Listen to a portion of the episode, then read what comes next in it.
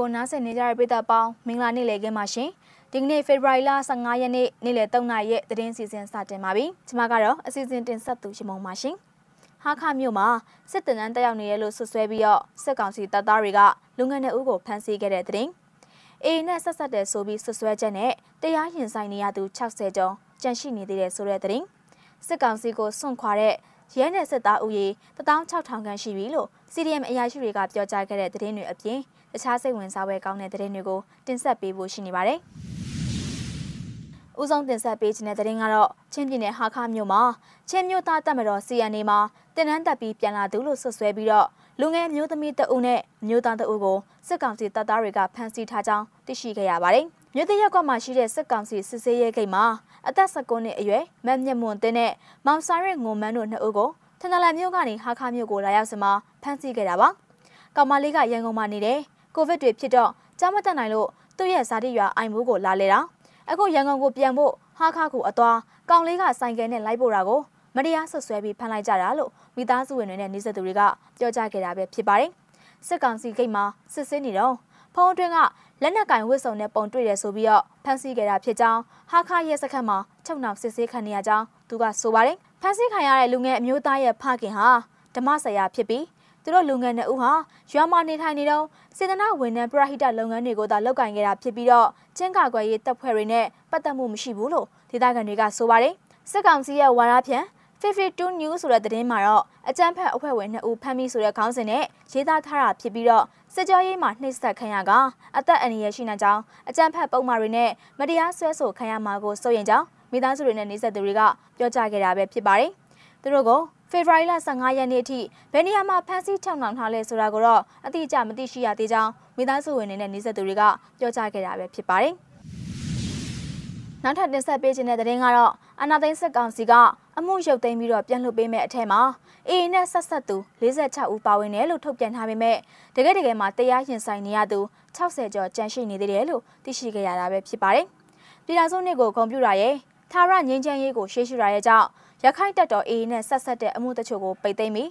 အဲ့ဒီအမှုတွေတဲကဆွဆွဲခံထားရသူ46ဦးကိုလွှတ်ပေးမယ်ဆိုပြီးတော့စစ်ကောင်စီကဖေဖော်ဝါရီလ12ရက်နေ့ကထုတ်ပြန်ချက်မှာဖော်ပြထားပါတယ်။အဲ့ဒီလွှတ်ပေးမဲ့အထဲမှာလက်ကရွာသားတွေအမှုနဲ့စိတ်တရွာသားတွေရဲ့အမှုလည်းပါဝင်တယ်လို့တရားရုံးရဲ့ပြောကြားချက်ကိုကိုးကားပြီးတော့မိသားစုဝင်တွေနဲ့ရှင်းနေတွေကပြောကြားခဲ့တာပဲဖြစ်ပါတယ်။စစ်တွေအကျဉ်းထောင်မှာ ထောင်ချုပ်နဲ့နေရတဲ့အမှုတွေတဲကလက်ကအမှုပါဝင်ကြောင်းစစ်တွေခရိုင်တရားရုံးရဲ့ပြောကြားချက်ကိုကိုးကားပြီးတော့တရားလွှတ်တော်ရှေ့နေဦးကျော်ညွန့်မောင်ကပြောကြားခဲ့တာပါ။ဒါပေမဲ့ဖမ်းဆီးခံရတာနှစ်နှစ်နီးပါးကြာပြီဖြစ်တဲ့ပုံနှကျုံးမြို့နယ်ကြောက်စိတ်ရွာသား၅ဦးရဲ့အမှုကတော့မပါဝင်ခဲ့ဘူးလို့အဲ့ဒီအမှုရဲ့ရှေ့နေလည်းဖြစ်တဲ့ဦးကျော်ညွန့်မောင်ကပြောပါတယ်။အခုလိုမျိုးအေးနဲ့ဆက်ဆက်ပြီးတော့တရားရင်ဆိုင်နေရသူ46ဦး ပြန်လွှတ်ပေးမယ်လို့ဆိုပေမဲ့လည်းနောက်ထပ်အေးနဲ့ဆက်ဆက်တယ်ဆိုပြီးတော့ဖမ်းဆီးခံရသူဟာ60ကျော်ရှိနေရပါ2018နှောင်းပိုင်းကစတင်ခဲ့တဲ့ရခိုင်တပ်တော် AA နဲ့စစ်တပ်တို့ရဲ့တိုက်ပွဲတွေကြားမှာ AA နဲ့ဆက်ဆက်တယ်ဆိုတဲ့တန်တရားကြောင့်ဖမ်းဆီးတရားစွဲဆိုခံရသူပေါင်းဟာ200ကျော်ရှိနေကြတာပါ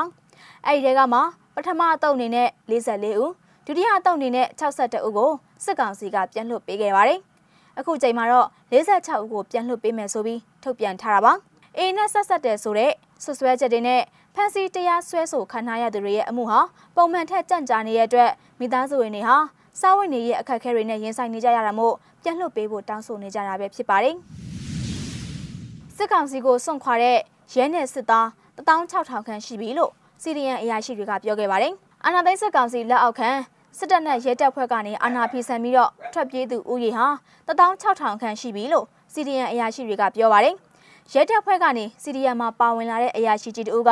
နေပြီးတော့ရဲတပ်ဖွဲ့ဌာနချုပ်ကသူတို့ရရှိတဲ့သတင်းတွေကိုကိုးကားပြီးတော့အာနာသိမ့်ပြီးနောက်ပိုင်းထွက်ပြေးစွန့်ခွာသူအရေးတက်ကိုအခုလိုပဲပြောဆိုခဲ့တာပါနေပြီးတော့မှရှိတဲ့ရဲတပ်ဖွဲ့ဌာနချုပ်မှာကျွန်တော်တို့ရော်နေသားတဲ့အင်အားတွေက9000ကျော်မှရှိတယ်အဲ့ဒီ9000ကျော်မှာပင်စင်တပ်ပစ်ပင်စင်နှုတ်ထွက်တို့မကြမ်းမာတို့တွေနှုတ်လိုက်ရင်တော့စီရီယံလှုပ်ထားတဲ့ရဲက6000ကျော်လောက်မှရှိတယ် တကယ်တမ်းစည်ရေးပေးသွင်းနိုင်တဲ့ရဲကတော့2500နဲ့3000ကြားရှိတယ်။ကျန်တဲ့သူတွေကတော့အကြောင်းမျိုးမျိုးကြောင့်ဆက်သွယ်လို့မရတဲ့သူတွေအင်တာနက်မကောင်းတဲ့နေရာမှာနေနေရသူတွေ EO နယ်မြေမှာရှိသူတွေ PDF ထဲမှာရှိတဲ့သူတွေကတော့ဆက်သွယ်လာခြင်းမရှိဘူးလို့သိရှိရပါတယ်။ပြည်သူနဲ့ပူးပေါင်းခဲ့တဲ့ခွဲစိတ်အထူးကုဆရာဝန်ကြီးဗိုလ်ကြီးမင်းမောင်မောင်ကလည်းအချိန်ကြီးစက်ကောင်စီကိုစွန့်ခွာသူဦးရေကိုအတိအကျသိရဖို့ခက်ခဲကြောင်းဒါပေမဲ့တထောင်ကျော်ပြီလို့သူခံမှန်းကြောင်းပြောဆိုခဲ့တာပဲဖြစ်ပါတယ်။ စစ်ကောင်စီရဲ့ပြောခွင့်ရဗိုလ်ချုပ်စော်မင်းထွန်းကတော့စစ်တပ်ကိုစွန့်ခွာထွက်ပြေးသူဦးရေဟာထောင်နဲ့ချီပြီးရှိတယ်ဆိုတာမဟုတ်ပါဘူးလို့ပြီးခဲ့တဲ့ဇန်နဝါရီလအတွင်းက AFA ကိုပြောကြားခဲ့တာပဲဖြစ်ပါတယ်။ဒီတော့တွင်လက်ရှိတိုက်ပွဲတွေမှာစစ်ကောင်စီဘက်ကကြာဆုံးသူဦးရေများပြားနေတယ်လို့တိုင်းရင်းသားအဖွဲ့တွေဒေသခံ PDF တွေကပြောပေမဲ့စစ်ကောင်စီဘက်ကတော့အတီးပြုတ်ပြောကြားထားခြင်းမရှိသေးတာပါရှင်။နောက်ဆုံးသတင်းသဘောအနေနဲ့ပလဲမြို့နယ်ကစာတင်ကျောင်းတစ်ခုမှာတက်ဆွဲထားတဲ့စစ်ကောင်စီတပ်သားတွေဟာ ကျောင်းဝင်းတွင်းမှာရှိတဲ့နေရံတွေမှာဆဲဆိုတဲ့စာတွေကိုရေးချစ်သွားခဲ့ပါတယ်။စကိုင်းတိုင်းပလဲမြို့နယ်ငကမတောင်ကျေးရွာမှာရှစ်ရက်ကြာတက်ဆွဲသွားတဲ့အကြမ်းဖက်စစ်ကောင်စီတပ်ဖွဲ့ဝင်တွေဟာကျောင်းဝင်းအတွင်းအရက်သေးစာတွေတောက်စားပြီးတော့ပစ္စည်းတချို့ကိုဖျက်ဆီးသွားတာဖြစ်ပြီးနေရံတွေပေါ်မှာပြည်သူ့ကာကွယ်ရေးတပ်ဖွဲ့တွေပြည်သူ့တော်လှန်ရေးတပ်မတော် PRA တို့ကိုဆဲရေးတိုင်းထွာတဲ့စကားလုံးတွေရေးချစ်ခဲ့ကြောင်းသတင်းရရှိပါတယ်။စစ်ကောင်စီတပ်ဆွဲတာရက်တိကျဆိုရင်ဖေဖော်ဝါရီလ9ရက်ဒါမှမဟုတ်10ရက်လို့ထင်တယ်။ အတိအကျတော့မမှတ်မိဘူး။ပလဲမြို့နယ်နယ်ကမတောင်ရွာကစာတင်ကျောင်းမှာလို့ပြည်သူ့တော်လှန်ရေးတပ်မတော် PRA ကဗိုလ်ချုပ်ပန်ကရန်ကုန်ခေတ်သစ်မီဒီယာကိုပြောဆိုခဲ့တာပဲဖြစ်ပါတယ်။ပလဲမြို့နယ်အတွင်းမှာစစ်ကြောင်းထိုးလာတဲ့အကြမ်းဖက်စစ်ကောင်စီတပ်ကို PIA အပါအဝင်ဒေသကာကွယ်ရေးတပ်ဖွဲ့တွေကမကြာခဏမိုင်းဆွဲပစ်ခတ်ခဲ့လို့အထိနာနေတဲ့စစ်ကောင်စီတပ်သားတွေကနေရံတွေပေါ်မှာအခုလိုမျိုးဆဲရေးတိုင်းထွာတဲ့စကလုံးတွေကိုရေးချစ်သွားခဲ့တာပဲဖြစ်ပါတယ်။ ဖေဖော်ဝါရီလ15ရက်နေ့နေ့လယ်3နာရီထိနောက်ဆုံးရရှိထားတဲ့သတင်းတွေကိုမြစည်းမရေဒီယိုကနေထုတ်လွှင့်တင်ဆက်ပေးကြတာပါ။နားဆင်ပေးကြတဲ့အတွက်ကျေးဇူးတင်ပါတယ်ရှင်။